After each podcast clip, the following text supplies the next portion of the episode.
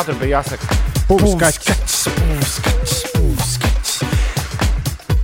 Uvis kaķis vai druvis kaķis vai, vai čulis kaķis. Labrīt! Ir 6 no 6. Nāca ūdeni arī manā tunelī iekšā.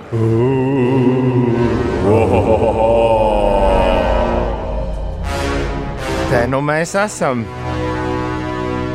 Atkal tā maģiskā sajūta, Ulu, ka mēs vienīgi esam augšā.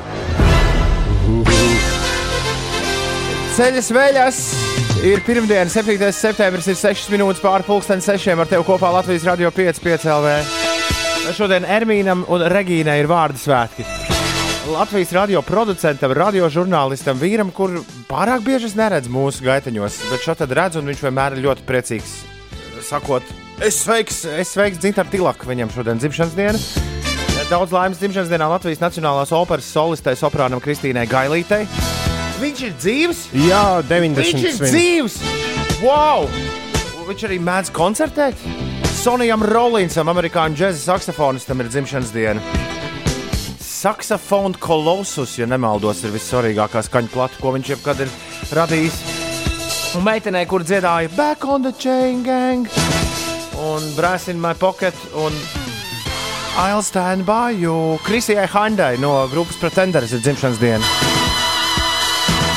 Un uh, Latvijas Rādio 5,5 LV studijā ir atgriezies viens Spitsbuks, kurš divas nedēļas šajā laikā huiku labi krāts un čučēja. Es domāju, ka ir jāatzīmē šis fakts ar attiecīgu skaņdarbu par atgriešanos. Uld! Čau, prieks tev redzēt! Celies sastingusī auga.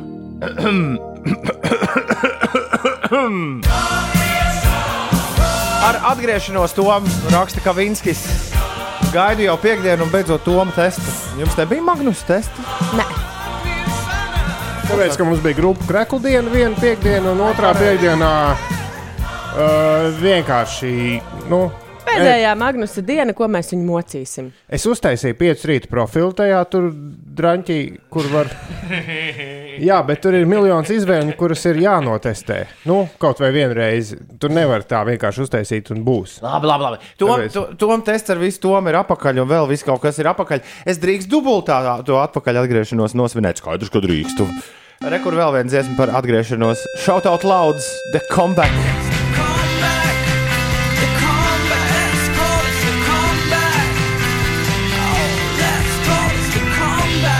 Vispār ir daudz labāk sajūta nekā uz papīra. Likās vakar, vakarā, ka būs.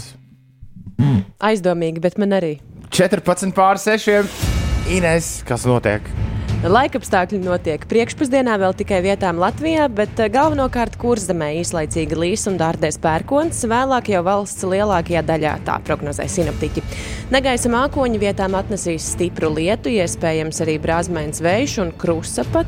Galvenokārt pūtīs lēns līdz mērens dienvidu un rietumu puses vējš un gaisa temperatūra šodien plus 15, plus 18 grādi. Rīgā starp mākoņiem uzspīdēs saule, gaidāms īslaicīgs lietus, arī šeit iespējams eh, pērkona lietus gāzes un gaisa temperatūra galvaspilsētā plus 18 grādi. Vēl lietas, kas notikušas vēlu vakar vakarā, planētas pirmā raketa vīriešu tenisā Novaks Džokovičs nesportiskas rīcības dēļ tika diskvalificēts no ASV atklātā čempionāta. Viņš 4. kārtas, jeb 8. fināla pirmajā setā bija iedzinējos ar 5-6 pret Spāni Pavlo Karenjo Bustu un pēc zaudēta punkta esot zaudējis arī savaldīšanos, un tenisists ar raketi sit pa bumbiņu, kas trāpīja līniju tiesnesēji pa kāklu tiesu. Tas nu, notika diezgan eh, netīšām, un pēc desmit minūšu ilgām pārunām mača tiesnesis nolēma piešķirt viņam eh, tomēr diskvalifikāciju. Un Tā tad uzvaru guva spāņu tenisists, kurš arī iekļuva nākamajā kārtā. Viņš visu mūžu varēs teikt, tas Džokovičs uzveica. Hei! Nu, tā gadījās. Gadās tā arī lielajā sportā. Uldis, kur māma vakar bija skatījusies šo maču, izrādīja man un Inesai, kā nu tas viss ir izskatījies. Nu, pat TikTokā vai kur tur tu biji uzlicis. Twitterī. Uh, nu, tā nebija nesportiska rīcība. Tas bija netīšām. Nu, jā. Tajā video to ļoti labi var redzēt. Nu, jā. Mēs nezinām, kas tur bija pirms tam, un varbūt viņš pirms tam kaut ko tur sabļaustījās, un no tā varēja secināt, ka tas ir līdzi- dusmu iz- uzplūds. Es izsaku līdzjūtību Ulu mammai. Piesēž ar cepumu un, uh, un tējiņu, pastīties normāli tenisu. Tas šeit tev! Es izsaku līdzjūtību visiem tiem bumbiņu skrejējiem, kuri ne tikai dabū seju ar bumbiņu no Džokoviča, bet viņi stāv maskās visu to laiku un skrien. Auč! Tas nav viegli. Sībeļa Jāna! Zvaigžņu karfans! 6.19. Labrīt, Rīga, labrīt, Latvija, labrīt, pasaule! Cēlies, nu! Cēlies, nu, augšā! Jā, brīvdienas ir galā! Vienmēr ir tā sajūta, ka varētu vēl, bet kas jocīgi šoreiz es esmu nomērījis, jo nekad garais vasaras atvaļinājums nebija tikai divu nedēļu garumā. Šoreiz esmu nomērījis interesantu jaunu mērījumu, ka ir pilnīgi vienalga, vai ir trīs nedēļas, četras nedēļas vai divas nedēļas. Sajūta ir precīzi tieši tāda pati uh, atvaļinājumam noslēgusies, noslēdzoties. Un es šodien pats sākšu kārtot nākamo atvaļinājumu. Jā, jā, jā, jā. Tu esi kļuvis no atvaļināt- atvaļinājuma noliedzēja par Es esmu kaislīgu kļuvis par fanu. absolūtu atvaļinājumu fanu. Es ieskatījos savā atvaļinājuma grāmatiņā un secināju, ka man vēl tik daudz atvaļinājumu priekšā šajā gadā. Tā kā, tā kā ne, ne, ne, kur jau nav teikts, ka es tur visu izkārtošu tā kā, tā kā gribētos un sirds rāda. Bet, eh, bet man šķiet, ka tā ir viena no arī laimīga cilvēka obligātajiem no nosacījumiem. Viens no obligātiem nosacījumiem laimīgam cilvēkam, viņš atnāk atpakaļ no atvaļinājuma un uzreiz domā par nākamo atvaļinājumu. Nu, jā, lai ir something to look forward to. Bet tad sanāk, ka tev šis bija pirmais atvaļinājums šogad. Aha. Nu, bija tas martā, bet tas bija. Nu, Tā bija arī nedēļa. Bija tā, tā tieši bija viena nedēļa. pat 6. tikai, martā jā. mēs aizgājām uz pirms viss sākās. Man bija nedēļa martā, un tad man bija nedēļa jūnijā, kad uh, man piešpricēja pilnu ar visu kaut Ah. ko, un es gulēju slimnīcā. Tā kā nu, tā gluži teikt, ka es nebiju šogad atpūties līdz šim atvaļinājumam, tā nu gan nevarētu, jā, bet, uh, bet uh, te nu es esmu, te es esmu apakaļ, kā jums gāja, aizvadītās divas nedēļas. Ļoti raiti rīti ritēja. Brīžiem mēs šo to aizmirsām, piemēram, mērķu spēli otrajā nedēļā, jo, jo Bija daudz par ko plāpāt. jā, manuprāt. un, un kaut kā pieeja scenārijiem bija diezgan brīva. Bet tas ir ļoti interesanti, kā mūsu uh, kopīgi veidotais karkas, kuram mēs trijotā vienmēr izsakojam līdzi, kā viņš mainās tajā brīdī, kad kāda nav. Vai pat jūs abu divu nav? Nedēļā, kad jūs abu divu nebija, džēzā tikai meitenes pēkšņi notika trešdienā. Jo es biju trešdienas rītā pilnīgi pārliecināts, minūtes 45, ka ir otrdiena. Oh, Un savukārt iepriekšējā rītā es biju pilnīgi aizmirsis par šo rubriku. Tā kā, tā kā jā, nu, tie rīta notikumi ir. Tie rīta notikumi ir neizdibināmi. Tāpat kā šī fantastiskā rīta sajūta, taisoties no rīta uz darbu. Uh, kur ir pie vēlna zaļā mugursoma? Jūs domājat, ka es viņu atradu šorīt? Ha! Izskatās, ka neesi atradis. Skaidrs, ka es neatradu. Bet šī mums bija pirmā Neko reize ar nevar Magnus, kad mēs pie, a, absolūti. Jo man bija tāda producenta pārliecība, ka tie nebūs šoreiz pieci rīti, jo būtu muļķīgi atgriezties mums ar Ines divatā un saukt to par pieciem rītiem. Tāpēc mums nebija īsti pieci rīti, mums bija kaut kas pa vidu. Nu, Magnus rīti ar piecu rītu dažām rubrikām un ar šo skaisto mūziku, kas vienu rītu sāka skanēt sešos un skanēja Par to es dzirdēju. Jā. ļoti ilgi. Nu, tur bija bijusi rūtīša naktī, eh, saķēpājušies vados. Tad mums bija lielisks rīts, kad pazuda internets visam. Nu, nu, Jā, pareizi. es nezinu, vai tas nav kaut kāds nacionālās drošības jautājums. Gan jau, Sacīt, ka ir, pirmais, gan jau, ka tieši ir. pirmais rīts, pirmdien, kad mēs atnācām ar Magnus sākām. Bet tas notika ētera laikā. Tas nebija tā, ka uzreiz. Mē, bija vēl ļaunāk. Mēs izsludinājām pirmo reizi mūsu īziņu konkursu. Nu, tā, mums bija tāda īziņa aptauja. Magnus bija izdomājis, dziesmas bija jāiet. Ah, nē, bija par kavēšanu bija Kāpēc tu kavēji jāatsūta, darbus? Jā. jā. Un mēs pirmajā rītā to skaļi izsludinājām, apmēram 8.20, un tajā brīdī pazuda internets vispār. Un uh, pat ar telefonu pieslēdzoties, īsiņas neiet. Jo, nu, tur bija viss, viss, viss, viss bija nost. Mēs ļoti jauki pabeidzām raidījumu, pateicām paldies visiem, kas mums sūta īsiņas, jo mēs tās neredzam. Tā Bet tas noteikti bija atsvaidzinoši pēkšņi bez izziņām padarboties ēterā. pirmajā rītā tieši. Un uzreiz pēc tam, kad mēs esam izsludinājuši īziņu aktivitātes, tas bija ļoti atsvaidzinoši. un labi, es esmu nokavējis lielāko pīļu, kāds varēja gadīties. Tas ir labi. Tas ir labi. Es vakar biju vienības braucienā. Sveiciens jums no mūsu klausītājiem, Oh! kur brauc ar, ar velo rikšām. jo, Ne, bet, bet, ar, bet ar velosipēdiem. Cerams, ka viņš šo nedzirdēja. Velo Raimons, man liekas, kādus gadus piecus vienmēr nes jums abiem diviem šitos te batoniņus spēku. Šoreiz bez atnāca. Es, Aizmirsi. un es jau gribēju kā joku teikt, nu kur te batoniņi? Bet, bet sveiciens jums no Velo Raimonda. Velo Raimonds ar savu jaunāko meitu aizlaidis pirmajā klasē. 1. septembrī bija rīktīgi priecīgs. O, Tad no, no turienes man tas batoniņš tur atvilknē joprojām stāv.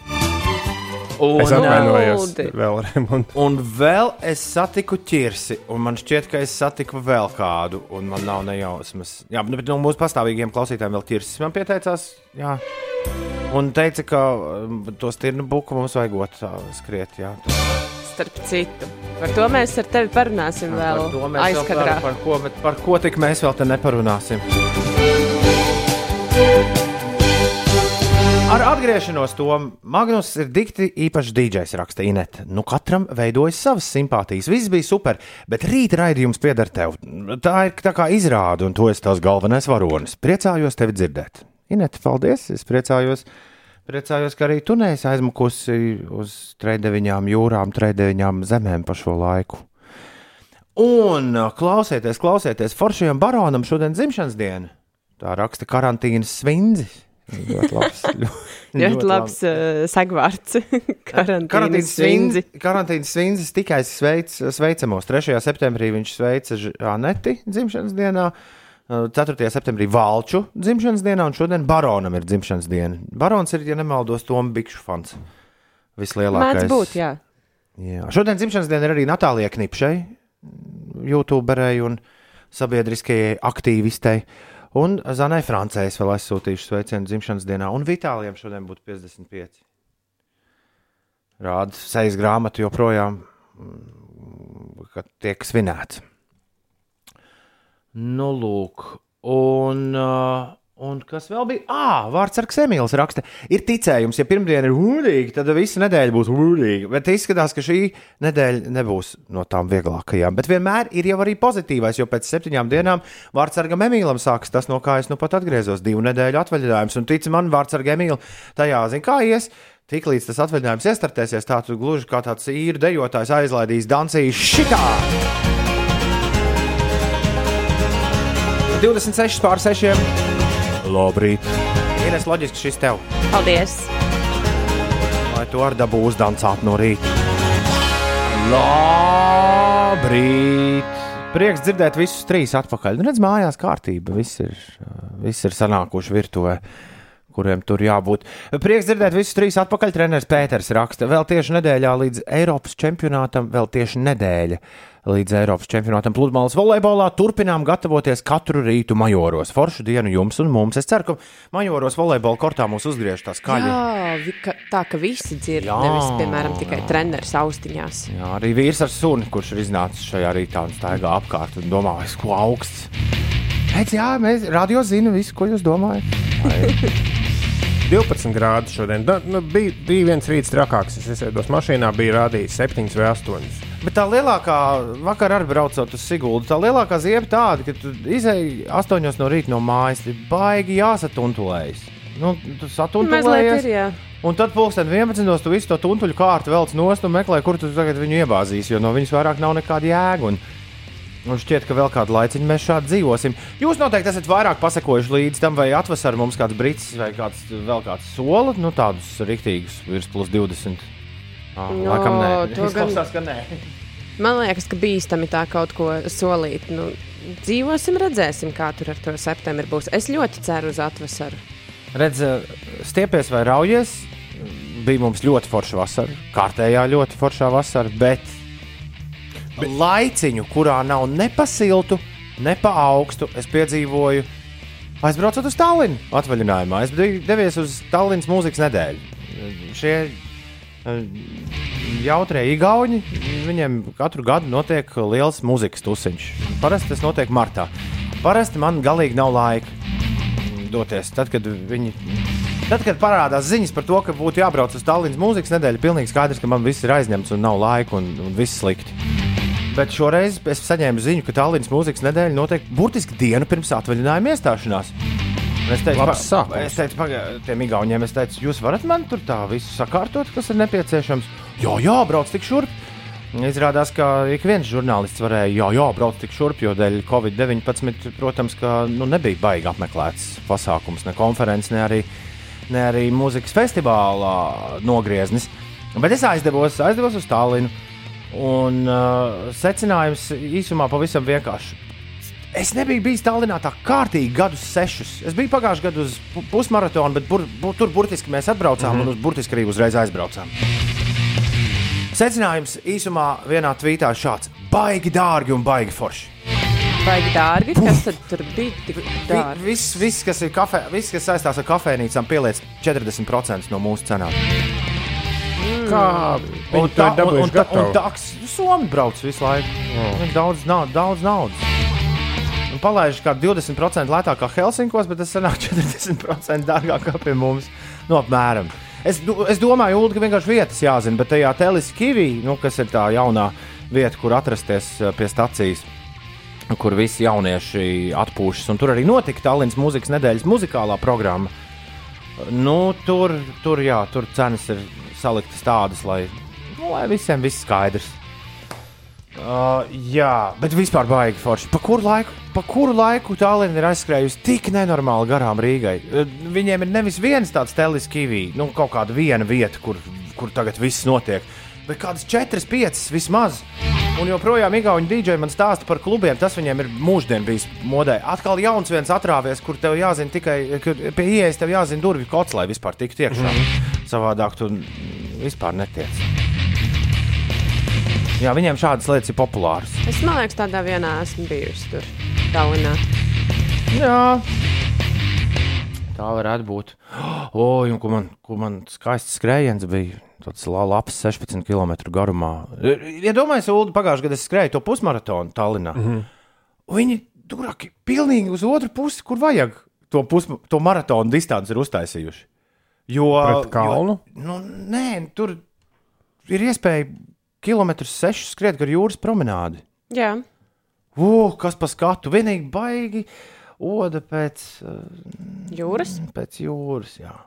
Man tas visu laiku atgādina tagad Francijas piekrasti. Ne, bet tur kaut kā tās, tās marža ir kopā vēl ar tiem fritētajiem kalmāriem, kurus gatavo blakus kafejnīcā. Nu, tā tā viņi kaut kāda tāda patīkamāka, bet šī tā jūras aļģu dvinga pie kaut kāda 4 km Ines man sāk viņš besīt. Bet, uh, bet rīktīgi fēni. Un tu paskrien tur uz priekšu, ieskrien mežiņā, uzstājas tādu labu lociņu. Var līdz televīzijas tornim arī aizskriet. Ui! Tik tālu gan es tur neesmu skrējusi, bet pa to promenādi gan.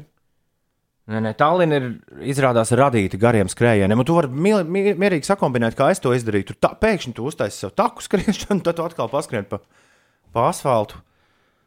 Oh, vismaz mūsu maratonam es vakar dzirdēju, uh, vakar dzirdēju ļoti labu ziņu. Mūsu maratonu šaus cauri meža parkam. Beidzot!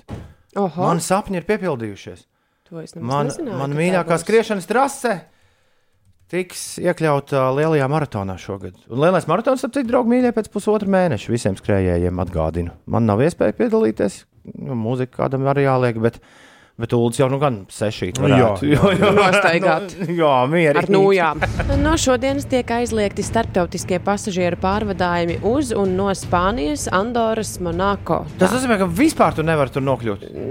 Jej! No Pasažieru. mūsu valsts, manuprāt, nevis uh, vispār. Un man liekas, ka tur joprojām ir spēkā tas, ka pasažieru pārvadājumi, un, ja tu brauc uz darbu, tas nav viens un tas pats.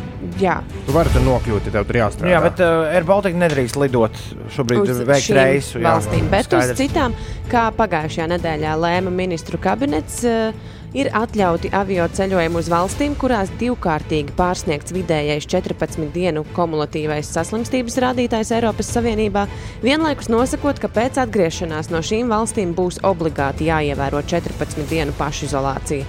Atbilstoši Eiropas slimību profilakses kontrolas centra publiskotajiem datiem, vidējais 14 dienu kumulatīvais saslimstības rādītājs Eiropas Savienībā pat laban ir 55, tādēļ nopaļojot robežu kritērijas eh, pārvadājuma aizliegumam no pirmdienas būs 110 uz 100 tūkstošiem iedzīvotāju. Tātad, kā informē Civilās aviācijas aģentūra saskaņā ar šo informāciju, ir atcelti starptautiskie pārvadājumi uz. Uh, ir atcelti starptautisko pasažieru pārvadājumu aizliegumi uz un no Maltas un Luksemburgas. Tātad uz šīm valstīm drīkst var, jā. doties, bet uh, Spānija, Andora, Monako tas ne. Spānija, Andora mm. un Monako. Un mana Kipra, kur man bija- garšo kakao. Nu? Kur bija uh, uzliesmojums, tad, kad augustā tur pēkšņi bija kāds izdomājis, ka jābrauc uz nedēļu, lai nospēlētu vienu koncertu, kas, protams, viss atcēlās. Loģiski, Tur loģiski. Kipra tikpat strauji nokrita pēkšņi uz vienu no pēdējām vietām Eiropā. Man liekas, vienā brīdī pat bija tā, ka bija Latvija, Somija un Kipra trīs valstis, kurās nebija, un Vatikāns, kurās nebija virs pieci vai virs desmit. Nu, tur Jā. kā. Vai, vai, vai, vai, vai. Bet mēs turamies. Es ar to vēlos jūs visus apsveikt. Man liekas, mēs turamies braši. Nu, bet tā ir. Mēs Tu uh, turamies. jā. Par spīti, par spīti visam zemes sabiedrības apdraudējums. Jā. Jā, aizvadītajā nedēļā kāds man no paziņām jokoja, ka beidzot kaut kur mēs esam Igauniem priekšā. Es sekoju vienai meitenei, kur Spānijā dzīvo. Viņai, viņa visu laiku kaut ko liek par Covid-19 uh, iekšā. Un uh, pirmo reizi Instagramā es viņas stāstos redzēju milzīgu uzrakstu. Šī persona ir ielikusi stāstā uh, viltus ziņu, kur mēs jums nerādīsim. Instagramā? Jā, Covid-19 sakarā. Ja re, regulāri viņai, jā, jā, jā, viņi tur liek visu kaut ko. Es, protams, nesaprotu, jo tur viss ir bonas nočes, espaņola. Bet, uh, bet, jā, es saprotu, cilvēki, kas dzīvo Spānijā, šobrīd cepas pamatīgi. Ines Ulds ir izpētījis. Ko tad? Ulds ir vienīgais šorīt, kurš zina, kad būs atvesēts. Jā. Es ceru, ka Ulu, tu nekļūdīsies datumos. Bet tā tad būs. Tas ir, Eh, man liekas, Man liekas, ka vienmēr ir bijusi kāda starpība septembrī vai oktobrī. Tieši bet tā. Atvesara vienmēr ir bijusi. Un laika prognozēt tālāk par vairākām stundām ir muļķīgi. Bet, uh, nu, var to mēģināt darīt, ja tu esi profesionāls, un arī tad ar atsauci, ka tas ne... Mums gan mēs ar Ines intervējām Tomu, kamēr tu biji prom. Viņš mums teica, ka var. Viņš precīzi pateica, divas, trīs dienas maksimums. Viss pārējais ir Nu, tikai tu, tu, bet tu te dažas stundas metā. Labi, Nu, jā, jā. kad būs atvesēts? Viss pārējais, Toms Brīsīs teica, ka no 14. līdz 20. kuram tur septembrim, un vēlreiz tas ir tikai un vienīgi prognozes, kuras var mainīties dažu stundu laikā. Bet tad Nu. būs. Vēlreiz. Tās ir prognozes, kuras var mainīties Dažu stundu stundu laikā. laikā. es domāju, tā, ka mākoņi var pagriezties un, un pilnīgi skaidra diena, kurā vispār nekas nesola lietu, var dažu stundu laikā kļūt par absolūtu katastrofu. Jā, tā kā vakar. Jā. Es paspēju sanest uh, iepirkuma Oi. maisiņus dzīvoklī, un kā sāka gāzt. Grēviņa kundze gan izlīja pamatīgi. Atbrauc mājās. Tād. Jā, bet uh, šodien ar līs. Jā, Šodien ar lietu sargus ņemam līdzi, draugi, mīļējot ārā no mājas. Un ejot ārā no mājas, pie reizes arī atpakaļ ēterā ir. uh, Laika mašīna. Mēs gan arī nesizvilkām laika mašīnu ārā no. Kurš dziedāja? kā tev liekas, Ulu, kurš cita? Mēs izvilkām jau aputējušo laika mašīnu ar Inês kopā, bet uh, lūdzu, jaunajā sezonā, ja tā drīkst teikt, nu ir tāda sajūta šodien, ka sākas kaut kāds jauns Kaut etaps. jauns, jā. Jauns etaps piecu rītu dzīvē. Es nesaku, ka kaut kas jauns, bet jauns etaps. Tad uh, laika mašīna pēc, uh, pēc populāra pieprasījuma ir atgriezusies atpakaļ savā vietā. Mēs esam 7. septembrī visi. Jums jāizdomā, kurā gadā. Tik vienkāršs uzdevums. Un uzsāk laika mašīnu uh, grupa Gaujards. Raksta Gaujards, izrunā ko žāru. Tā laikam bija. Pagaidām divi minētāji ir laika mašīnā. Dēmons saka, ka mēs esam 2012. un Kristaps saka, ka ir eh, 2020. gads. Ļoti patīk šīs atbildes. 6,52 minūtēs. Jā, tā ir tāda veca tradīcija visiem tiem, kas ir sākuši mūs klausīties nesenā pagātnē. Var pastāstīt, ka tad, kad notiek laika mašīna, tad mēģina vairāk klausītāji uzminēt, kurā gadā mēs esam. Un tie, kas uzmin, tie saņem no manis atļauju. Jā, tā ir balva laika mašīnā par pareizu gadu atminēšanu. Atļauju pieiet pie leduskapja un apēst kaut ko ekstra garšīgu. Bet mēs neesam ne 20. ne 12. gadā. Šorīt es jums pateikšu, priekšā. Mēs esam citā gadā, gadā, kad Amerikā populāra ir šī meitene.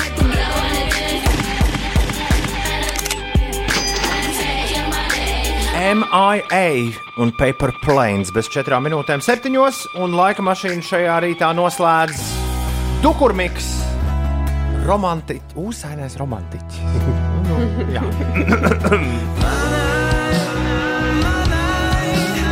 Manai! Un vēlreiz!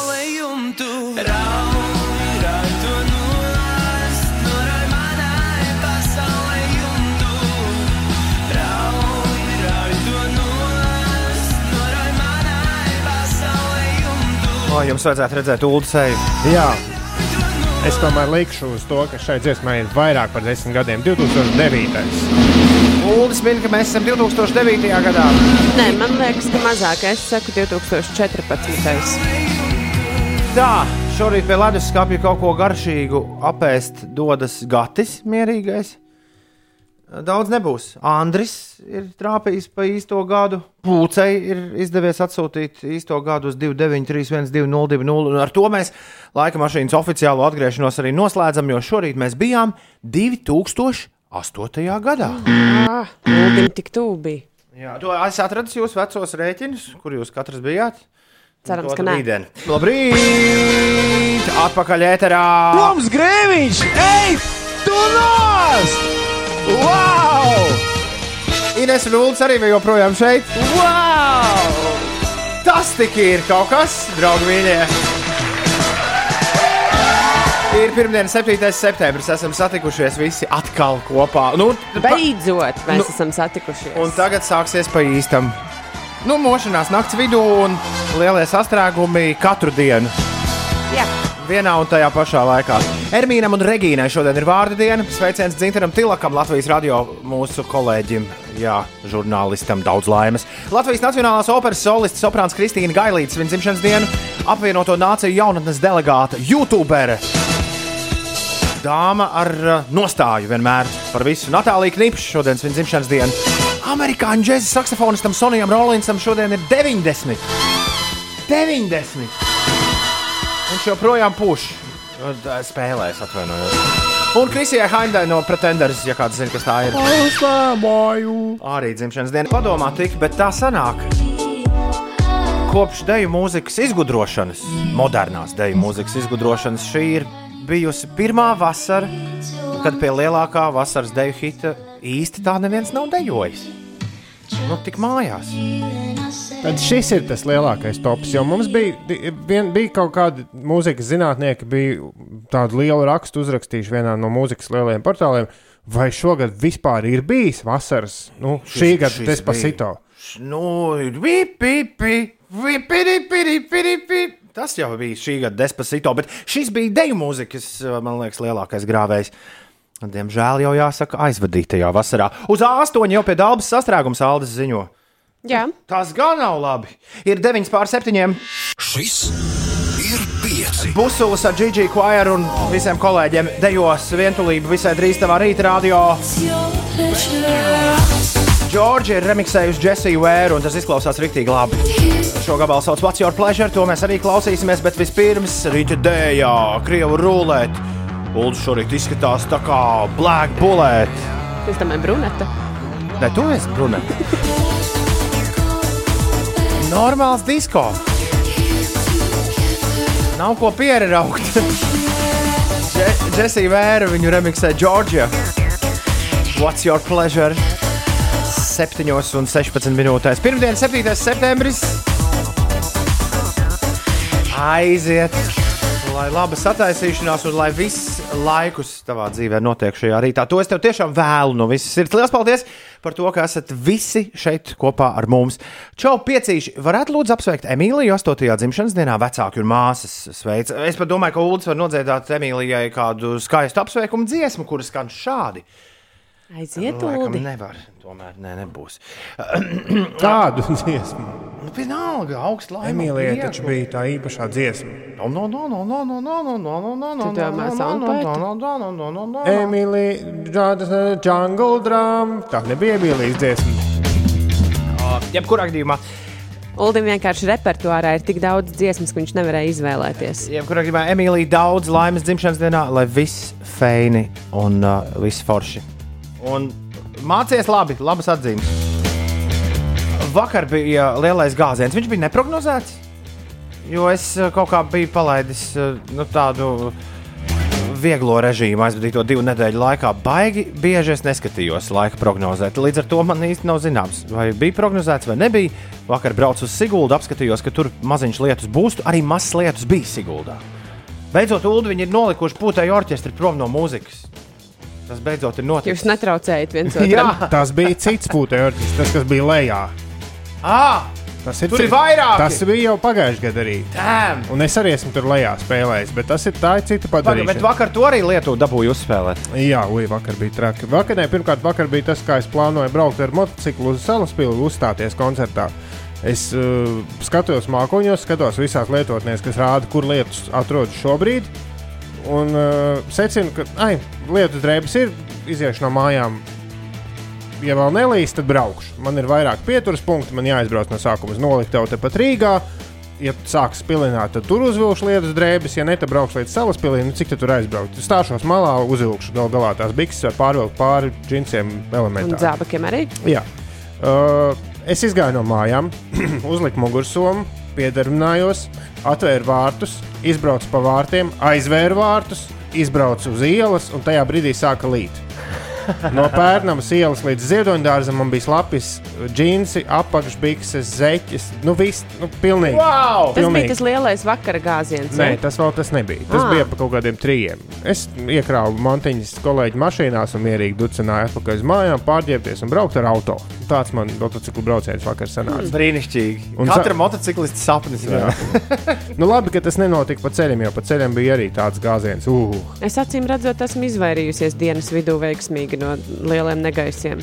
jā. Un vakarā Salaspīlī spēlējām ļoti jauku pusotru stundu garu koncertu, kura apmēram no 15. līdz 30. minūtei bija nu, Armagedons. nu, no ar vēju, kas pūš uz skatuves iekšā to visu. Oh. Līdz ar to vis, visi mūziķi mēs sastājāmies apmēram pie bungām. Un, nu, bija tāda ļoti. Bet bija cilvēki, kas izturēja un dejoja visu šo laiku. Un tad es vairākas reizes mēģināju jokot un teikt, ka pie šīs dziesmas tagad pāries. Nu, nē, nu, pie nākamās. Tā, nu, kāds 15 minūtes bija. Bet uh, visu cieņu tiem, kas izturēja līdz beigām, uh, jo cilvēki turpat bija zem mājām, kaut kur tur zem kokiem, un tad, tad lietas pārgāja. Tad visiem bija tāda daudz vēl foršāka. Ja tu netīšām vakar biji šī raidījuma producenta, profesionāla trombonista pārstāvētajā koncertā, kur uh, Latvijas radio Big Bands spēlēja, Nē, ne? nē, nē, nē, mēs ar džokeriem, ar Ah, rokenrolu ansambli. Roke, vienmēr sakot, ja vakar tu biji uz rokenrola ansamblī, tev ir uh, liela pateicība šorīt no Ulda. 7.20. Ines, kas notiek? Gan Arvīds, gan Aldis mums eh, raksta, ka uz Jelgavas šoseis jau stāvot pie pagrieziena uz ozolniekiem. Un eh, taisnība ir, jā, tur ir eh, divi sastrēgumi šorīt. Ir sastrēgums braucot no cenas līdz dalbai. Tur jau kavēsieties desmit minūtes. Tas ir braucot Rīgas virzienā pa A8 Jelgavas eh, šoseju. Un otrs lielais sastrēgums, tas jau tāds ierastais, no Olainas līdz Jaunolainai. Tur 25 minūšu kavēšanās. Tur viens pēc otra sastrēgums. Tad par eh, Rīgas ielām šobrīd eh, posmā no uh, ierastais autoceļa posms uz A7. Tur ir 8 minūtes pirms iebraukšanas eh, Rīgā, un Krustpils ielā un Rancēna ielā ir jārēķinās ar aptuveni 5 minūšu kavēšanos. Uz vairāk nekā 100 autoceļa posmiem turpinās būvdarbi. Būvdarbu sezona vēl nav beigusies, bet kā šajās Latvijas valsts ceļa reklāmās ir teikts, nu, grūti tagad, vēlāk būs, tad, kad ceļi būs eh, sataisīti. tad- tad būs tad remonts. būs viegli, jā. Bet tad šakāla būs remonts jākārt. Nu, nē, uz vidzemes šoseis sākot ar 8. septembri vairāk laika ceļā prasīs posms no pagrieziena uz Raunu līdz krustojumam ar Smiltenes eh, gulbenes ceļu. Tur šonadēļ būs kopumā seši luksaforu posmi un būs jārēķinās aptuveni ar stundu, lai šo vietu izbrauktu. Un aizvien turpinās remonta darbi uz Daugopils šoseis, Jelgavas šoseis un arī Jēkabils eh, lūdza uz autoceļa A12. Nu, jā, bet jebkurā gadījumā, ja tu redzi kādu, kādu satiksmes dīvainību, padod mums ziņu 293, 1202, tālrunis ir nemainīgs. Sūti īsiņu vai arī, vai arī mēģini mums piezvanīt, vai arī atsūti balss ziņu Instagram. Ulu šito vēl nav izbaudījis uz savas ādas. Jā. Mm, Ja tev ir, ja tev ir kaut kas viens, nu, kaut kas sakrājies, jau kaut kas sakāms šajā rītā, droši ierunā to Instagram un sūta šur pieci rīti, mēs tā saucamies. Instagramā rīti un pieci jāraksta ar burtiem. Pieci rīti, Instagram komplekss svītra. 7,22 ir pareizais laiks. Pirmdien, 7. septembris. Labrīt! Mūsu Rīga Latvijā! Uz jūrmālas gatavas slokas ielas virzienā baigais sastrēgums no dzirciem ielas krustojuma jau viss stāv. Tā Toms ziņo, un Elija ziņo, ka šodien sastrēgums iebraucot Rīgā jau no pašiem bērģiem, un tas esot kaut kas vēl neredzēts. Jā, Es jums jau teicu, pateikšu vēlreiz tiem, kas tikai nu pat ir ieslēguši radio. Tagad tikai pa īstam sākas. tur apmēram 12 minūtes iebraucot Rīgā no Berģiem un, un, un, un no Jūrmālas gatavas. Jā, Vanšu tilts ir sastrēdzis mazliet. Jā, jā, normāli. Nu, Normāli, normāli, normāli. skola un darbi, un nu, tā jau ar to bija jārēķinās. droši vien. Tā, tagad mums jānoskaidro, ko darīt šonadēļ. Kas šonadēļ eh, ir uz paplātes mums? Ko? Halo, kas notiks? Kaut kas notiks? Jā, viss kaut kas. Visvisādi svētki. Es varētu pirmo reizi mūžā aiziet uz hospitāla ielas kaimiņu svētkiem, jo es dzīvoju hospitāla ielas kaimiņos. Nu, ne gluži hospitāla ielā, bet kaimiņos gan.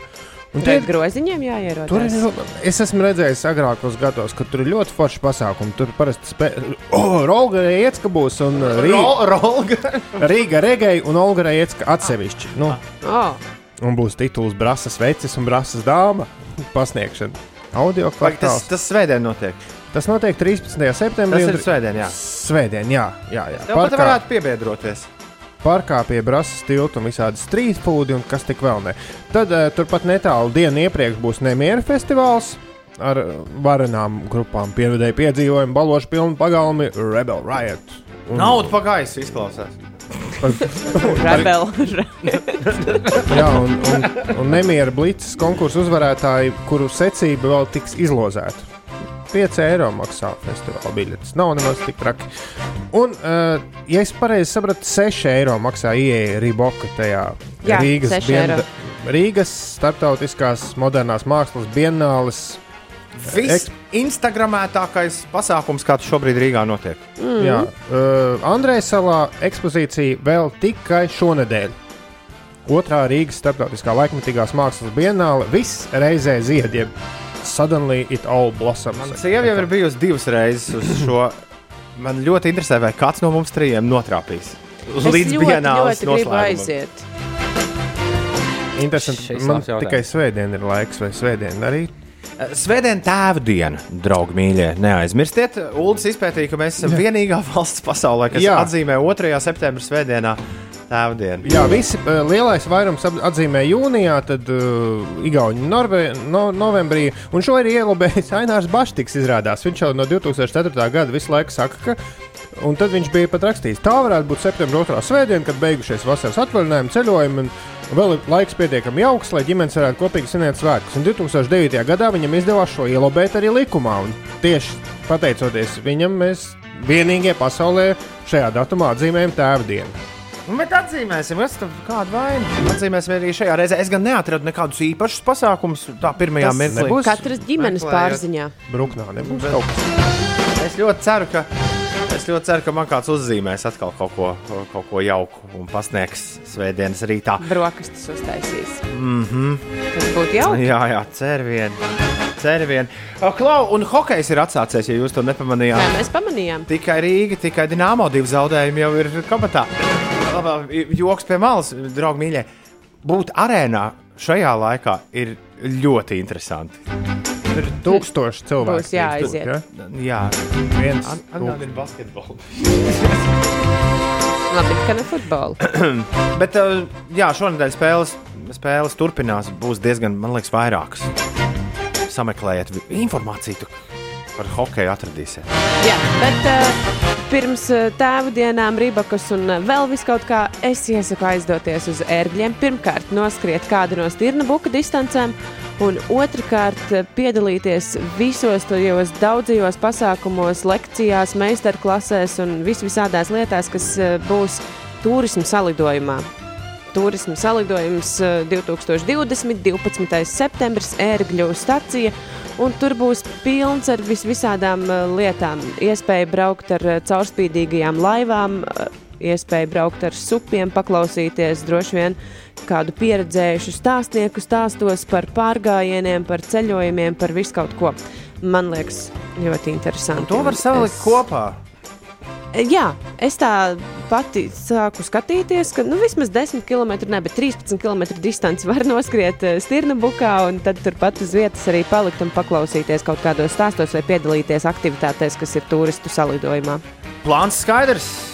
Ko darīt šonadēļ? Runājot par šo tēmu, Mums vairs nav.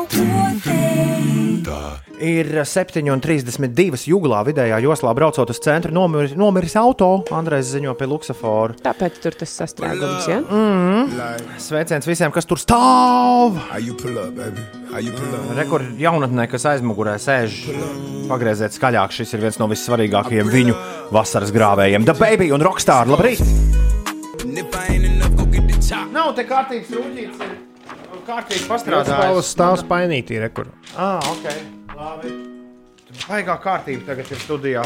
Labrīt! Šeit pieci rīta, grēviņš, ziediņš, pučekā. Esam atkal kopā. Paldies, ka izvēlējies mūs. Ko tu dari, Uldī? Kas tas par muļķību? Es drīkstu tev no, nobildēt un ielikt pieci rīta Twitterī. Nē, ne šajā laikā. Mums tieši tā- tieši nopietnas tagad- lietas tieši tagad- jādara. Tieši tagad jau Ulas ir izdomājis ļoti jaunu sejas masku beidzot. Beidzot, bet tiešām man ir sajūta, ka mēs esam atpakaļ tieši tā, kā tas ir nepieciešams. Tā Ulu, tu esi kadrā ļoti labi, ļoti labi iejuties. Izstāsti, Ines, ko dara Ulu šeit. Uldis ir ielicis uh, īsto normālo sejas masku savā plānotājā, un viņš mēģina aizāķēt tagad savu plānotāju aiz ausīm. Tā tev iztaipīsies ausis un nedabūs vairs atpakaļ normāli. Tā, un, uh, uzliec to masku, nu tā kā maskai jābūt. Ir, uh, Kāds mērķis tam ir, Uldi? Labi, beidziet nodarboties ar muļķībām. Jums ir jāatbild uz gāja geogrāfijas spēles jautājumiem. Viss gāja pēc scenārija līdz brīdim, kad pienāca Ines ģeospēles laiks un viss sagājis Jūs sākāt muļķoties tā kā tādi skolēni. Nu, bet apskaties, ja to šādas te astītes ir plānotāji abas. Nu, Ielieciet sejas to, masku. to, bildi, to bildi es jebkurā gadījumā uztaisīšu. Pagaidām Lai mums tas tas plānotājs tev normāli stāvētu, tev vajadzēja likt to sejas masku kādā no vidējām lapām, nevis Noliec, vien, pēdējā. Ulu, noliec vienkārši tā, pieliec man, kas jādara, Pieliec, normāli pieliec priekšā vienkārši sejai. Tā kā tu nu pat to izdarīji. Es taču gribu uztaisīt bildīt, uz kaut kur ielikt. Lieliski, jā, derēs. Ah, kāpēc es esmu timeru atstājis kamerā? Nu, beidziet! Muļķoties! Geogrāfijas spēle. In, Jā. Ineses Tā geogrāfijas bija spēle. Ines. Tā nebija vēl. Jūs vēl nebijāt pat sagatavojušies. Rakstām, ja ir lapiņas, ir aiziet. Pirmais jautājums. Saskaņā ar 2015. gadu ar eh, Guinness rekordiem 3,3 miljoni apmeklēja kādu mūzikas festivālu. Un šis eh, tātad ir lielākais, apmeklētākais mūzikas festivāls, kurā valstī tas ir noticis. Varbūt arī zinat pilsētu, un varbūt arī zinat, kā to sauc. Tiešām tas ir festivāls, nevis koncerts viens pats. Nē, mūzikas festivāls tas ir. Un tas notika 2015. gadā. Jā. Vai 14. 15. Iepriekšējais mūzikas festivāls, kas tika ierakstīts Guinness pasaules rekordos, notika 1999. gadā. Bet šis ir pavisam cits. Tātad, kura valsts un uh, varbūt arī pilsēta jūs zinat? 3,3 miljoni. To Jesus. apmeklēja. Jā, trīs dienu festivāls tas bija. Wow. Tā, otrais jautājums. Cik oficiāli pasaulē ir Disneylandas? To viegli saskaidīt. Paldies. Trešais. Kurā valstī atrodas pasaulē lielākais āra baseins? Milzīgs baseins, jā. Valsts. Basēns. Labi. Jā, nu. Tā. tālāk. Kurā valstī atrodas lielākais IMAX ekrāns? IMAX lielākais skaidrs. Un, Un, pēdējais jautājums. Eiropas lielākais ūdens attrakciju parks. Kur tas ir? Eiropas lielākais. Jā. Nu, ko viegls jautājums? Cik foršs jautājums? Man biežāk jāiet atvaļinājumā, tad būs labā, labāki jautājumi. Kas ir uzreiz. pēdējā jautājumā? Kas ir jā, jāpasaka? Kāda varianta tev ir? eh, Ko Ūdens tu gribi pateikt? Nē, nu, pilsēta, reģions, valsts. Nu, valsts, valsts. Es domāju, ka Nu, labi, lai, valsti. lai ir valsts. A, tu gribēji arī pilsētu? Nu- Tas būtu grūtāk. Labi, es jums pateikšu priekšā, tā ir eh, kāda sala, kurai, kura pieder kādai no Eiropas valstīm. Ak, tā tā. Okay, tad es jau Jā, esmu atbildējis mēs- Es nepareizi. arī jau būtu atbildējis nepareizi. Ah, Labi, paldies. Jautājumi ir piefiksēti. Es ceru, ka arī jūs esat piefiksējuši jautājumus visi pie radioaparātiem. Un tūlīt tad ķersimies klāt. Vērsītim pie radziņiem. Prāta vētra vispirms. Viss ir tieši tā, kā tu vēlies. Labrīt! Un P5 atkal sastrēgums no fotoradara līdz apceļam Rīgas virzienā. Un Maskavas iela krustpils ielas krustā arī neparasti sastrēgusi. Izturība šoferī. Es zinu, es zinu, ka ir seriāli sastrēgumā stāvot šo klausīties, bet um, tici man, nu, tādā lielā bildē viss ir tieši tā, kā tu vēlies. Galu galā radio tā normāls skan, vai ne? Latvijas radio 5,5 LV. 5 rīt šeit. Ines, kas notiek? Droši vien jāturpina par tiem pašiem eh, sastrēgumiem eh, runāt. Šobrīd ir jārēķinās vismaz ar sešām minūtēm jūrmālas gatavē posmā no dzirciem ielas uz eh, sloks ielu pa labi. Zemitāna tilts pārbraucams sešu minūšu laikā, Degla viela sastrēgus uz piecām minūtēm un Vanšu tilts centra virzienā esot pārbraucams teju sešu minūšu laikā. Vēl Krustpils ielā posmā no Rencēna ielas līdz Granītielai ir jārēķinās ar deviņām minūtēm. Citās ierastajās sastrēguma vietās Rīgā ir aptuveni 4 līdz 6 minūšu kavēšanās. Uz eh, A7 braucot iekšā Rīgā Katla kalns līdz Krustkalni. Tur 22 minūšu kavēšanās. Un mazliet ārpus Rīgas, tātad ierastais autoceļš Jelgava Rīga A8 remonta darbu dēļ vispirms no cenas līdz dalbai jārēķinās ar 7 minūšu kavēšanos, un pēc tam nākamais sastrēgums jau ir no Olainas līdz Jaunolainai. Tur pavadīsiet vismaz 40 minūtes. Tālāk ir ar autoceļiem. Atgādināšu, ka uz vairāk nekā 100 autoceļu posmiem turpinās būvdarbi valsts teritorijā. Bez jau minētā uh, Jelgavas eh, ceļa notiek būvdarbi uz Daugaupils šoseis, kā arī uz galvenā autoceļa Jēkabils Lūdza un uz Vidzemes šoseis. Sākot ar rītdienu, vairāk uh, laika ceļā prasīs posms no pagrieziena uz Raunu līdz krustojumam ar Smiltenes gulbenes ceļu. Tur būs kopumā seši luksaforu posmi un būs jārēķinās aptuveni ar stundu, lai šo posmu izbrauktu. Ui, traki. Uh, tā ir 7,44. Ines, geogrāfijas spēle. Laiks atbildēm. Nu, ko, draugi mīļie, aiziet! Tātad, Mums bija neizšķirts iepriekšējā reizē, tātad mēs varam. Man īstenībā ir pilnīgi vienalga, jo es faktiski visus jautājumus esmu minējis. Hmm. Nu, tas šauj pirmais. Jā. pirmais jautājums bija par uh, lielāko mūzikas festivālu, kas uh, ir noticis pēdējos gados. Iepriekšējais, tātad 1999. gadā bija Summerfests, kas notika Viskonsīnā, ASV. Bet uh, 2015. gadā 3,3 miljoni apmeklēja kādu citu festivālu. Kurā valstī tas bija? Mūzikas festivālu. Tad Jā. es izsvītroju savu meku Ei, es ņemšu Indiju. Jo man nav nejausmas. Kuba. Tā bija Kuba. Nē. Nevienam no jums atbildi nav pareizi. Tas bija festivāls Austrijā, Vīnē. Un šo festivālu sauc, es nezinu, vai es pareizi izrunāšu, Danube Island Festival. Šis uh, festivāls notiek uz salas, upē. Un, uh, jā, jā bet trīs, nekāda Rolling Stones jau tur nespēlē. trīs dienās to apmeklēja 3,3 miljoni cilvēku. Nu, lai būtu. Tā, lūk, otrais jautājums. Cik oficiāli ir Disneylandes pasaulē? Nu, man sanāk četras. Tokija, Florida, Losandželos, Parīze. Es arī esmu pierakstījis četras, uh, un kuras aizmirsu - Tokija, Florida, Losandželos. Es esmu Losandželos aizmirsu. Ir Bet- sešas. Kalifornija, Florida, Parīze, Tokija, Šanhaja un Hongkonga. Šanhajā un Hongkongā arī. Jā, viņi Jep. paspējuši jau uzlaist. Wow!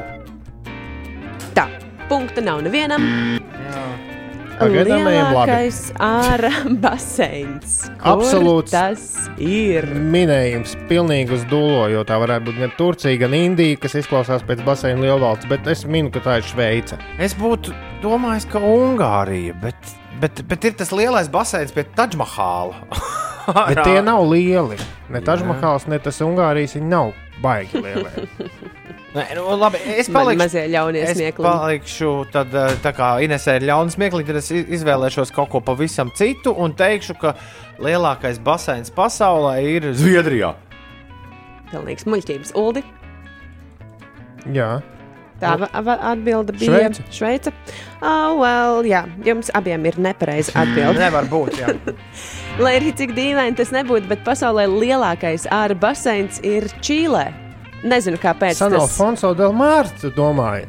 nezinu, kāpēc tas atrodas uh, okeāna krastā, bet jā, tas ir Guinness uh, rekorda turētājs un tas ir apmēram 20 olimpisk, olimpiskā, olimpiskie peldbaseini. 66 miljoni galoni ūdens. Nu, tajā tas izskatās esot. pēc normāla līča. Vēlreiz, kaut kas, kur? Bet Čīlē. Kaut kas līdzīgs Daugavai gandrīz. Nu, Jā. Daudzās abas malas. Labi. Labi, varbūt uz šo jautājumu jūs atbildēsiet pareizi. Kurā valstī atrodas lielākais IMAX ekrāns? Nu, galīgi neesmu pārliecināts, bet Lielbritānija. Man minējums Londona, UK. Tā kā, ja būs nepareizi, tad ejam pa nulēm. Jā, no, no. Nē, tā ir Austrālija. Amerika. Oh, Jā, lielākais ekrāns bija, nē, nē, nē, es atceros, sajaucu bija posmu. Sidnejā, bet uh, tagad tas Varētu. ir uh, uz, uz rekonstrukcijas laiku slēgts līdz 2020. gada beigām. Labi, labi, bet par uh, to atrakciju parku varbūt. Melburnā. Tagad ir jaunais lielākais IMAX ekrāns, bet tomēr eh, kopumā jau tā ir Sidneja. Nu, labi, attrakcija parks. Kā jūs domājat, kur tas ir lielākais, foršākais, apmeklētākais Eiropā? Es zināju par milzu attrakciju parku Vācijā, bet tas noteikti nav uz salas. Es arī biju domājis par Vāciju, bet, uh, bet sala, sala tagad būs Maljorka. Dānija. Lieliski šajā geogrāfijas spēlē esmu uzvarējusi es, jo pareizā atbilde ir Tenerife. Mm, pa nulē. Sijāmas attrakciju parks esot lielākais.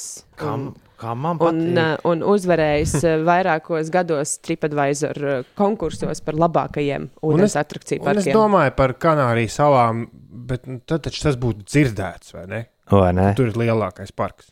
Bet nē, Vēlreiz, kur bija sala īstā? Tenerife, Tenerife. Spānijai piederoša sala. Jā. Kā man patīk Ineses geogrāfijas spēle. Kā tik šis nav pirmais 0-0? Nē, šis ir, Ar bo atgriešanos tom. šis ir Bonivers. Ej, tā polder cake, visu kūciņu apēd. Kamēr atceros, uh, es pavadīju veselu dienu pagājušajā nedēļā. Veselu dienu klausoties piecēlē automašīnā kopā ar četriem citiem cilvēkiem. Mm -hmm. Līdz ar to bija ļoti interesanti vērot viņu reakcijas. Un tad, kad Magnus pēc pieciem pēcpusdienā sāka saukt uh, sastrēgumus, līdzīgi kā Ines to sauc, tur 6 minūtes, tur 7 minūtes. Tur. Uh, Šofērs teica, nu izklausās jau, kas tad tur 6 minūtes un pārbrauc to vanšu tiltu. Es teicu, jā, jā, bet tu tur sarēķini visu kopā. Tagad, nu, jo, nu, tev jābrauc tur, jābrauc šur, un tad Ines nosauc. Tur 6 minūtes tur, 9 minūtes tur, 4 minūtes tur. Tā ir, tā ir. E ekstra stundiņa, un galā esi. Klau, mums ir vēl viena stundiņa palikusi šeit, ā, piecos rītos. Svarīga stunda. Priekš daudziem autovadītājiem un vēl. Vēl viss kaut kā, kurš to ir uzlicis tur augšā. Mums ir trīs svarīgas lietas, kuras jādara. Rīta dziesmu tops atgriežas ēterā šorīt. ā, Tas notiks. Man jums jāizstāsta par to, kā piekdienas vēlā, vēlā ā, vakarā gāja iekšā politiķu disko. Bija tāda lieta arī pie CLV ēterā. Un runā, ka interesantās ziņas arī būs. Jā, runā. Kāda sajūta, ko? Labi. Vislabākā diena, kāda vispār var būt? Vai? Es kā vetārs saku, koži, visi, visi koži. Arī pirmdienā. Galvenais ir labi izgulēties. Jūs nevarat iedomāties, cik tas ir forši. Beidzot, es to izbaudu. miegu. Es, man katra diena ir sestdiena. Nē, katra diena, kā Morisija dziedāja, svētdiena. Ermīnam un Regīnai šodien gan ir varena diena. Viņiem abiem diviem vārdu svētki, sveiciens Ermīna, sveiciens Regīna. Latvijas radio žurnālists Zintars Tilaks svin dzimšanas dienu. Ā, Dzimšanas diena arī Latvijas Nacionālās operas solistei, soprānai Kristīnai Gailītei, apvienoto nāciju jaunatnes delegāte un uh, YouTubere Natālija Knipša svin dzimšanas dienu. Sonijas Rollins, amerikāņu džēza leģenda, viņam šodien 90, johaidī. Ko ilgi cilvēki dzīvo mūsdienās, vai ne? Un Krisijai Handai, amerikāņu dziesminiecei un ģitāristei, daudz laimes.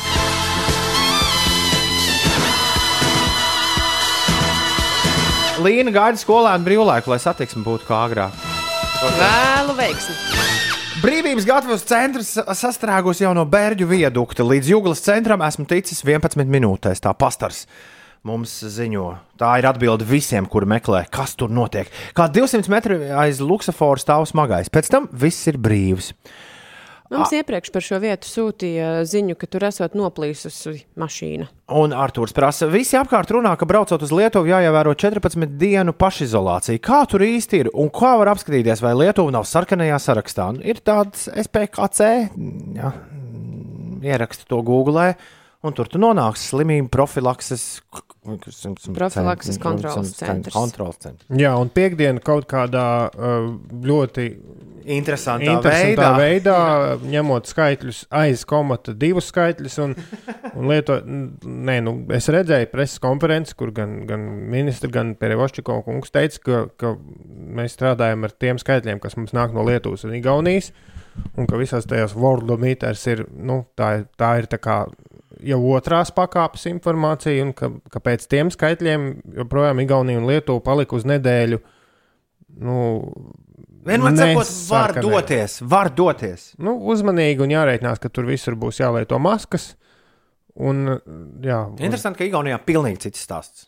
Tikai un vienīgi apkalpojošie ļaudis lieto maskas. Un, un arī atgriežoties no Igaunijas, man bija jāaizpild Latvijā, ierodoties liela veidlapa, kur es būšu, kas es būšu, ja nu gadījumā kas.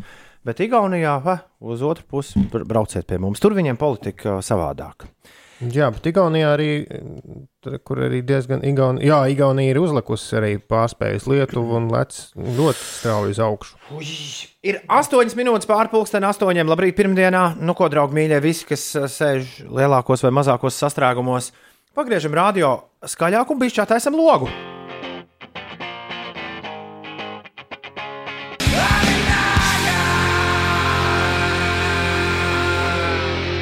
Denial.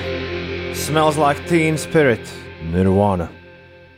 Kaut ko atkal jaunu par šo dziesmu es izdzirdēju aizvadītājās divās nedēļās. Kurš man to teica? Laikam kāds Tallinā satiktais mūzikas cilvēks, ka pie kurta Kobēna mājas esot bijis kāds uzrakstījis šo uzrakstu.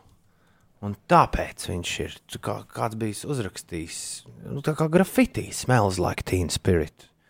Un pēc tā viņš Pēc tā radās dziesma. Jā, nevis viņam tās smaržas. Jo to mēs noskaidrojam, ka nevis ožs pēc tīņiem, bet ožs pēc smaržām, kas bija tolaik ļoti populārs. Dezodoranti jauniešu. Mm -hmm. Teen Spirit. 90. Nu, tur Supposedly the name came from graf graffiti. Aha, aha, re, re. Bet šo es nebiju nekad dzirdējis iepriekš. Tā, bet tas raksts ir. Četri. Labi, nu, 14 minūtes Sen. pār 2000. Nu, nu, kāda gada. starpība? Nu, labi, labi. labi. 2000. Svarīgākais, ka mēs par to runājam tagad, šajā brīdī, 2020. gada 7. septembrī. Tu klausies 5 LV. Labrīt!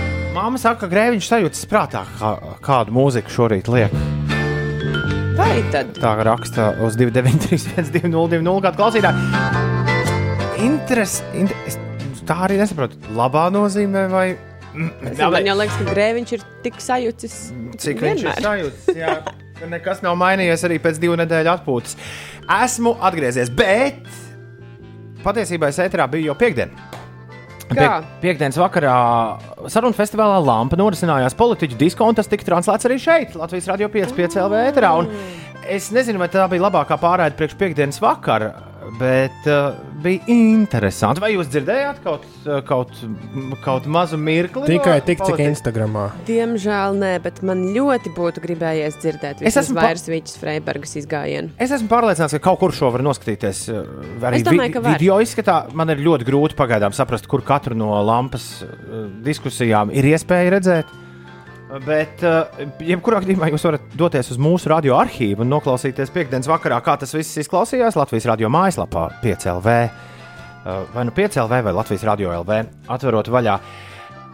Bet, uh, jā, viss tā, tā aizraujošākā lieta, droši vien priekš daudziem klausītājiem, un arī vissatraucošākā lieta priekš manis bija divu prezidentu sacensība, vai arī Vīķa Freiberga. Un es viņu gandrīz nosaucu vienā brīdī par Raimonu Zatleru. Valdis Zatlers, uh, abi divi. Jā, un, un, tas ir tas brīdis, kad tu domā, un tā vietā tu pasaki Zatleru. Bet, jā, Valdis Zetlers un Vairvīķa Freiberga sacentās ar savām dziesmām, un, protams, ka viss negāja tik labi, kā plānots. Nu, diskžokēja kungam. Ir beigusies dziesma, ja? tagad klausās.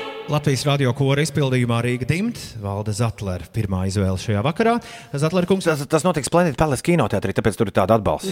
nākamais eh, skaņdarbs, jo nākamais rauns, nākamais uzdevums. Tā ir dziesma, kura liek raudāt.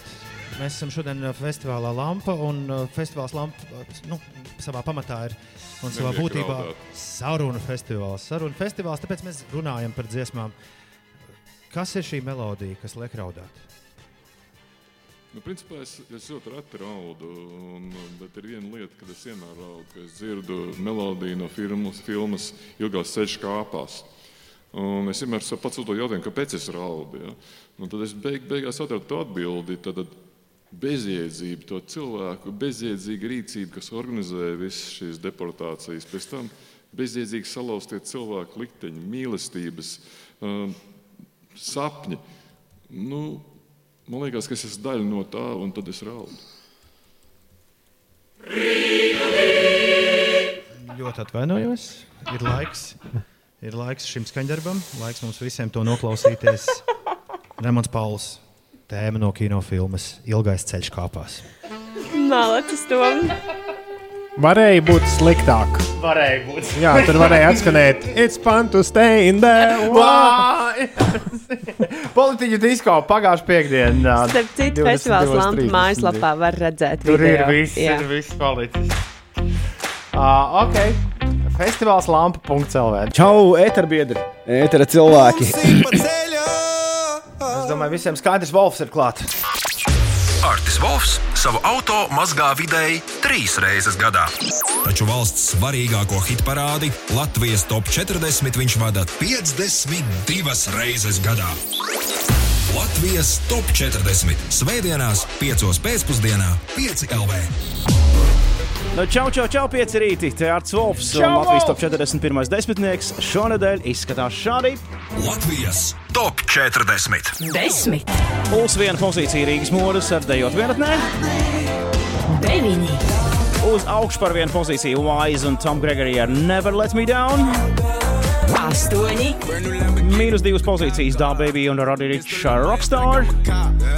Septiņi, Uz augšu par 14 vietām B un Megan Thee Stallion ar WAP. seši, Mīnus divas pozīcijas Jasons Derulo un George 685 ar Savage Love. pieci, Topic un A7S ar Breaking Me plus divas pozīcijas un attiecīgi piektā vieta. četri, Plus viena pozīcija St. John un Roses. trīs, Vietu saglabājas The Weekend un Blinding Lights. divi, Plus divas pozīcijas Joel Corey un MNEK ar Head and Heart. Un pirmajā vietā joprojām ir Harry Styles ar Watermelon Sugar. Latvijas top 40, numur viens. Watermelon sugar high. Translatoriem jāizsūta uh, sveiciens. Viņi varētu šo iztulkot. Arbūzu. cukurs augsts. Harijs Stēls joprojām numur viens. Viņš prasa, vai arbūziņu cukurs viņam vienīgajam ir apnicis. Kā ar jums? Es kādas divas nedēļas nebiju tā baigi klausījies. Nu, nevarētu teikt, ka šī ir mīļākā dziesma. Un es, es spēlēju pāris diskotēkas, jā, aizvadīju to divu nedēļu laikā. Tādas maziņas ļoti. Dāmām jau patīk gurnus kustināt pie šī. Harijs Stils, Watermelon Sugar, 8,33. Joprojām numur viens Latvijā. Sveiciens atkal pilnā sastāvā raksta Zāne. Un arī praktiska ziņa. Es neieteiktu braukt uz struktūru ielu šobrīd. 300 metri 20 minūtēs līdz brīvības ielai. Oh, 300 metri 20 minūtēs. Struktūra iela jau visu pagājušo wow. nedēļu mums bija, uh, no, mums bija topā. Jā, un es, es vienīgi varu atgādināt, jā, ka tur pa vidu ir viens veikals, kur ir garšīgs bulciņas. Zīmēs raksta, tas tik tālu dziesmas radio bija skaitina. Tas ir kā modinātāji dzirdēt katru rītu. Klausiet, zīmēs, bet nu, kādas dziesmas ir modē, tādas ir modē. Šī radiostacija spēlē visu, kas ir modē. Un tad, kad mēs uh, uztaisām kādu atkāpi, tad ierodas, ierodas kaut kas apmēram šāds. Kas katru gadu nāk no jauna, Tas ir rīta dziesmu tops. kam dziesmu dziedāt nav pakaunā. Tas ir rīta dziesmu tops. To klausīties ir tīrā bauda. Nu jā, pieņemsim. Jo rīta dziesmās liela jauda. Kad skan rīta dziesmu tops. Inesei, nu, prieki sāksies. Jau paskatās, acis mirds. Jo ikrītu topa panti krāsies. La la la la la la la. Tur izdziedāsim zirņu speķi, Ņem, ņem, ņem, ņem, ņem, ņem, ņem. kā arī veco zirga deķi. Old Town Road. nu, Road. Jums taisnība, man ļoti patīk jūsu atcerētie rīta panti. Nu, rīt dziesmu tops vēlāk kā citus gadus, bet ir klāt visiem tiem, kuri ir pēdējā gada laikā mums pieslēgušies. O, prieks redzēt jūs, draugi. Rīt dziesmu tops ir aptauja, kur mēs veicam savu klausītāju vidū. Jā. Mēs cenšamies noskaidrot, kas ir visforšākās dziesmas, kuras jūs vēlaties dzirdēt tieši no rīta. Un noteikumi ir tādi, ka mums ir pagājušā gada tops, jo mēs jau šo gadiem darām. Pagājušā gada top pirmais desmitnieks automātiski kvalificējas uh, balsošanas lielajai anketai, kur uh, būs pieejama kaut kad vai nu novembra beigās, vai novembra vidū, vai varbūt decembra sākumā. Nu, lūk, šie pirmie desmit gabali ir vienīgie, kuri ir garantējuši sev vietu balsošanā. Būs iespēja par viņiem nobalsot. Un Tas ir tas, tā ir tā būtība. Mēs krājam dziesmas, lai par tām varētu nobalsot. Jo, ja dziesma nav tabulā, tad par to nevar nobalsot. Nu, kaut kā mēram tā.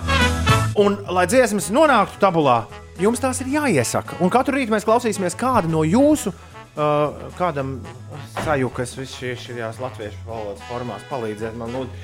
Uh, katru rītu kāds klausītājs izvēlēsies trīs dziesmas, Jā, Jā, jā. un tās tiks automātiski ieliktas iekšā balsošanas anketā. jā. viss pareizi. Nu, tā, tā kā. Nu, lai iedomājies, ka rīt dziesmu tops ir tā kā partija, un tev jāpievieno kandidāti. Ko tu, ko tu pievienos? Bet desmit ir jau iekšā sarakstā, un tie ir pozīcijās no desmit uz leju. Nu, ne uz augšu, ja tā sanāk. Līdz numur viens.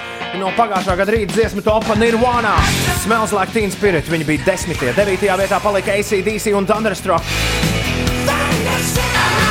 Highway to Hell bija astotajā pozīcijā. Septītajā bija System of a Down. Chop Suey. Sestie bija Ramstein ar Du Hast. Ramstein ar Zona bija piektajā vietā, Linkin Park, Numb 4. Queen un Don't Stop Me Now numur 3. Lēnā meitene no PND 2. vietā. Un pirmo reizi rīta dziesmu topu vēsturē, pēc vairākiem ACDC gadiem, pirms gada uzvarēja Skārā mūža, will you do the down Queen un Bohemian Rhapsody? Kā izskatīsies rīta dziesmu tops 2020? Tas ir atkarīgs no jums, bet pirms mēs sākam balsot vairākus mēnešus, laiks paklausīties jūsu mīļākās rīta dziesmas. Rīti at 5 LV sūta šurp trīs savas mīļākās melodijas, kuras tieši no rīta kā, ja, iedod uh, duku. Uh, iespēju to dienu sākt. Un iespējams jau rīt no rīta sazvanāmies ar tevi. Man liekas, tas izklausās pēc plāna. Ulu, tas izklausās pēc plāna Ines. Ko Man liekas, sakāt? ka jā. Okay, bet eh, ko šorīt darām? Ar rītdienu topu. Šodien, kā katru gadu, spēlējam savējās. Nu, katru gadu man liekas, ka mēs tur mainām.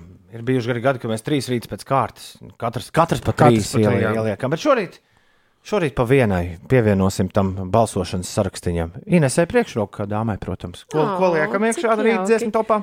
Es esmu Sigrīda fani, un man liekas, šorīt arī es klausījos Don't Kill My Vibe dziesmu. Es ceru, ka mēs neesam tavu vaibu nokilojuši šorīt. neesam. Ļoti labi. Ļoti labi. Sigrid! Nu, tā tur. Ziemeļblāzma, Ziemeļblāzma. Norvēģi meitene.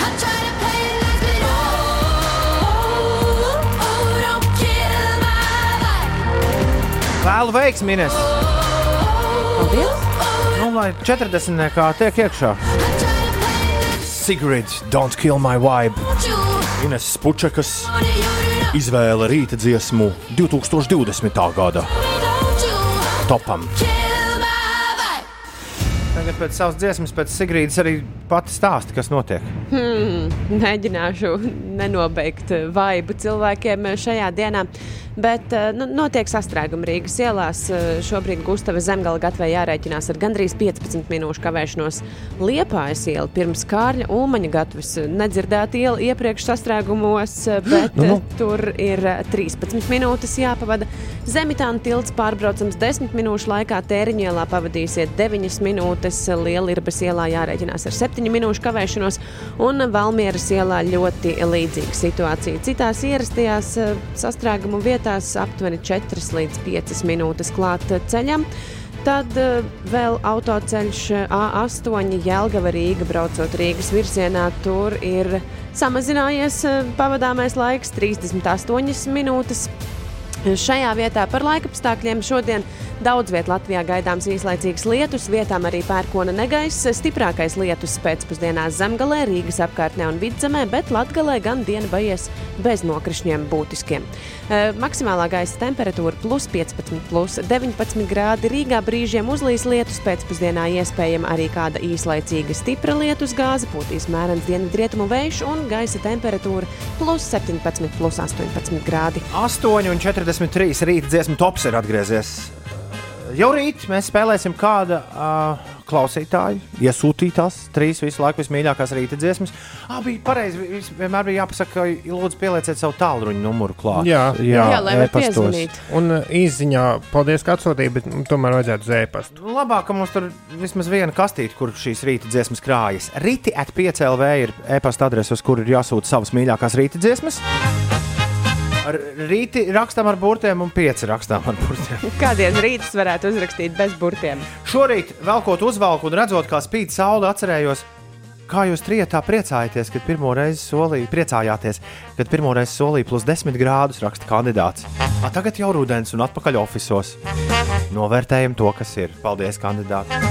Lieliski īziņa. Šis ir paraugs, kā, kā jāraksta īziņas. Bet! Runājot par rīta dziesmām, laiks Uldim pievienot rīta dziesmu sarakstam 2020. gadā kādu melodiju. Nu, ko, Ulu? Nu, nav jau nav daudz variantu. Divas dziesmas vien bija tādas, ko varētu pievienot, un uh, jāņem no tām jaunākā. Tāpēc man izvēle, Ines, tev par lielu prieku.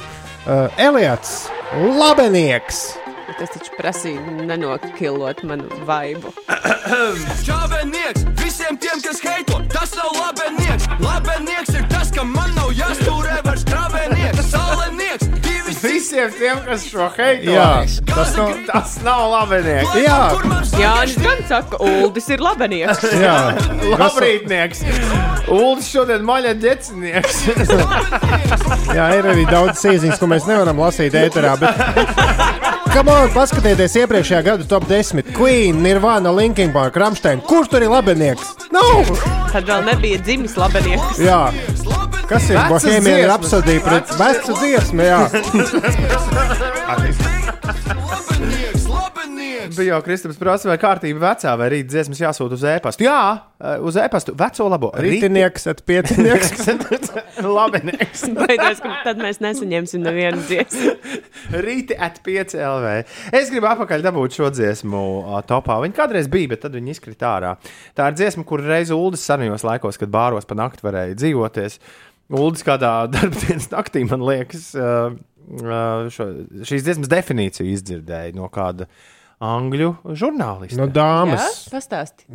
Kādas Man ļoti angļu patīk dāmas. šīs dziesmas cover versijas. Ah, bet oriģināls. Bet, Un tā kā, es ne- es dzirdējis nekad, nekad neaizmirsīšu, ka esmu, kā es šo dziesmu dzirdēju pirmo reizi. Bet par to es ar kādu citu reizi pastāstīšu. Bet Ulu par to definīciju. Bet ko izstāsta. viņi teica?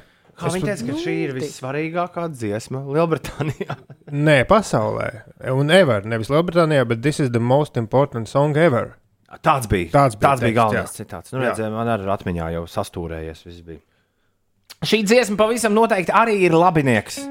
The Killers no viņu debijas plates Hot Fuzz. Šis ir Mr. Brightside. Edžera raksta, šī dziesma ir vienīgā, pie kuras Lielbritānijas klubos angļu tauta atdzīvojas. Savādāk latviešiem vispār netur līdzi balvas izbaudīšanā. Mr. Brightside, The Killers. Mr. Brightside tiešām ir labinieks un pasaules svarīgākā dziesma, tā raksta Mārtiņš.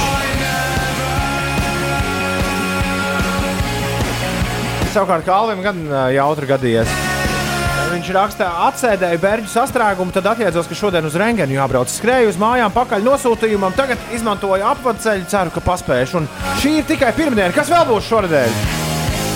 Oi, šī nedēļa būs pilna ar dažādiem notikumiem. To kalvi un vispārējie es jums garantēju. ja nesanāks mums labi panti, Tad būs slikts rīta dziesmu tops. tad sauksim tālu kā drūmo tanti. Kas tā tāda? Nē, Ines, tas nav par tevi. Tev traucies. Tev sejā smaids un stipri nervi. Kad skan rīta dziesmu tops.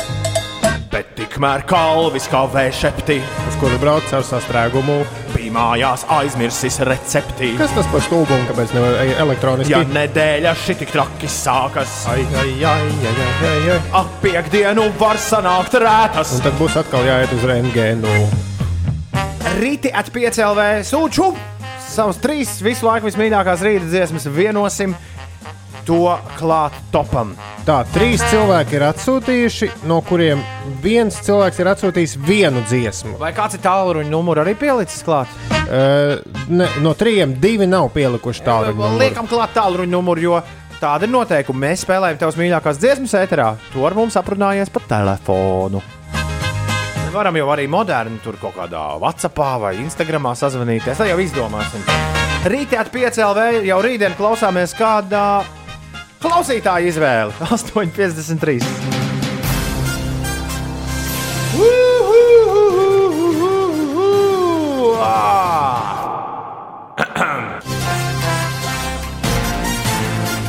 Ja es pareizi jā. atceros, tad, kad uh, skan šis, tad ir interesantās ziņas klāt.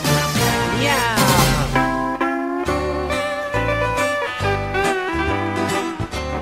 Jā, un man jāsāk ir ar uh, stāstu. Paklau, to es vēl rakstīju vienkārši tur zemāk. Kamēr tu biji projām, mēs interesantajās ziņās uzzinājām, ka šobrīd, un šis nav nekāds joks, tiek strādāts. Vismaz uh, daži ir apstiprināti oficiāli, daži baumu līmenī. Tiek strādāts pie sekojošu filmu un seriālu remakiem, tātad jauniem ekranizējumiem vai pilnīgi jaunām versijām. Rekord top 5. Es domāju, tu pat pats vari nolasīt. Kalnietis ir piektajā vietā. 5. Highlander, gariem matiem. Bija pēdējais laiks šim atgriezties.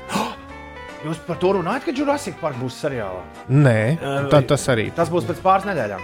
Bet, uh, jā, rekur, uh, Kalnietis ir piektajā vietā. Fresh Prince of Bel Air mēs gan neesam skatījušies mūsu, man liekas, mūsu platuma grādos. Mm, Jā, bet visādos, kā bija visādas vācu televīzijas un angļu Tur rādīja, Vilnu Smitu. Seriāls ar Vilnu Smitu galvenajā lomā bija diezgan. No tā ir tas Jazzy Jeff un Fresh Prince. Jā, Nu, tā sanāk, jā.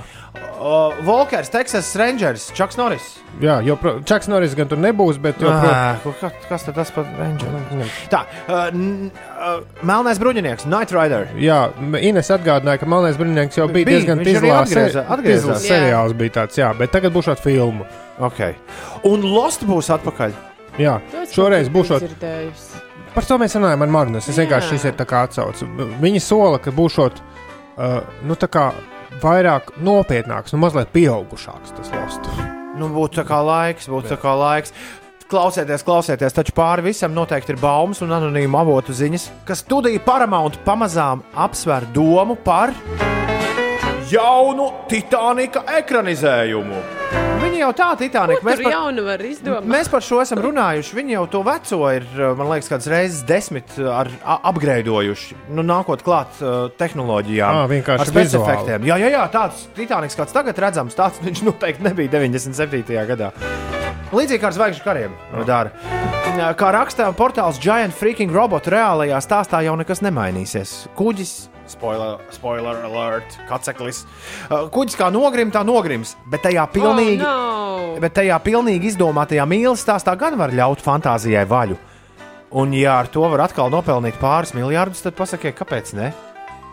Un, uh, bet, nu jā, un Caprio tagad onku, Caprio un Vinsleta onkuļi un tā, Jā. onkuls un tā, saprot. Veca gada Jā, gājuma. vai kaut, kād, kaut kādus jaunus. Šo Zaku Efronu un. Jā, jā. Mailijas, nē, mēs Mailijas Airus. O, nē, tos gadus nespēju Selēna iedomāties. Gomez kopā.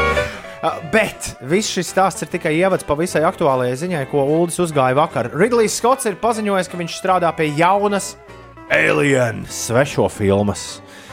Ulas saskaitīja, ka kopā ar īsfilmām šī būs jau 21. Alien frančīzes filma. Cik tu viņiem ir īsfilmas? Īsfilmas ir kaut kāds septiņ, šī būs septītā garā filma, tad 11 īsfilmas, viena teātris izrāda, viens seriāls. Wow. Nu, Varēni. Izspiests būs no nabaga citplanētietīša. Teātris! Ir Jā, teātris! jā, jā, ir kaut kāda. Es biju, es iepriekš Džilīdžera režijā, Nacionālajā teātrī svešos. Kamēr mēs visi gaidām jauno Titaniku un jaunos svešos, publiskot Kristofera Nolana grāvēja Tenet kases ieņēmumu. Un kā raksta kino apskatnieki, nav nemaz tik slikti. Tā ir filma, kas nu pat ir iznākusi uz ekrāniem. Jā. Filma pirmajā nedēļas nogalē Amerikā ievākusi vairāk nekā 20 miljonus dolāru, kam klāt var pieskaitīt 160 miljonus, ko filma ievākusi pārējā pasaulē. Tad tur šādi tādi ķinīši strādā. Nu, jā, jā, jā, un kā raksta poršāls Mešabul, uh, no biznesa viedokļa šis ir diezgan labi. Tie 30, gan arī 30 miljoni, ko viņi savākuši, bet no pandēmijas apkarošanas viedokļa, tas, ka cilvēki tik daudz Iet uz kāro iet uz kino, tām kino jā. un sēž divas stundas nekustīgi, nu, tas baigi lemnēsot. Par ko ir Tenet? Mm -hmm. Mind, uh, mind, pī, filma tā esot. À, nu tā kā bija tas par gu- gulēšanu. Prāti jauca. Jā. Interesantu veidu, kā nopelnīt vairāk naudas, ir izdomājuši Amazon piegādātāji, kas īpašas programmas ietvaros nodarbojas ar paku piegādi ar savām automašīnām. Kaut kas līdzīgs kā Uber vai ēdienu piegādes lietotnes. Tu reģistrējies sistēmā ar savu telefonu, jo esi viens no tuvākajiem autovadītājiem, tad tu saņem ziņu, dodies pēc paciņas. Jā. Un to aizved kādam.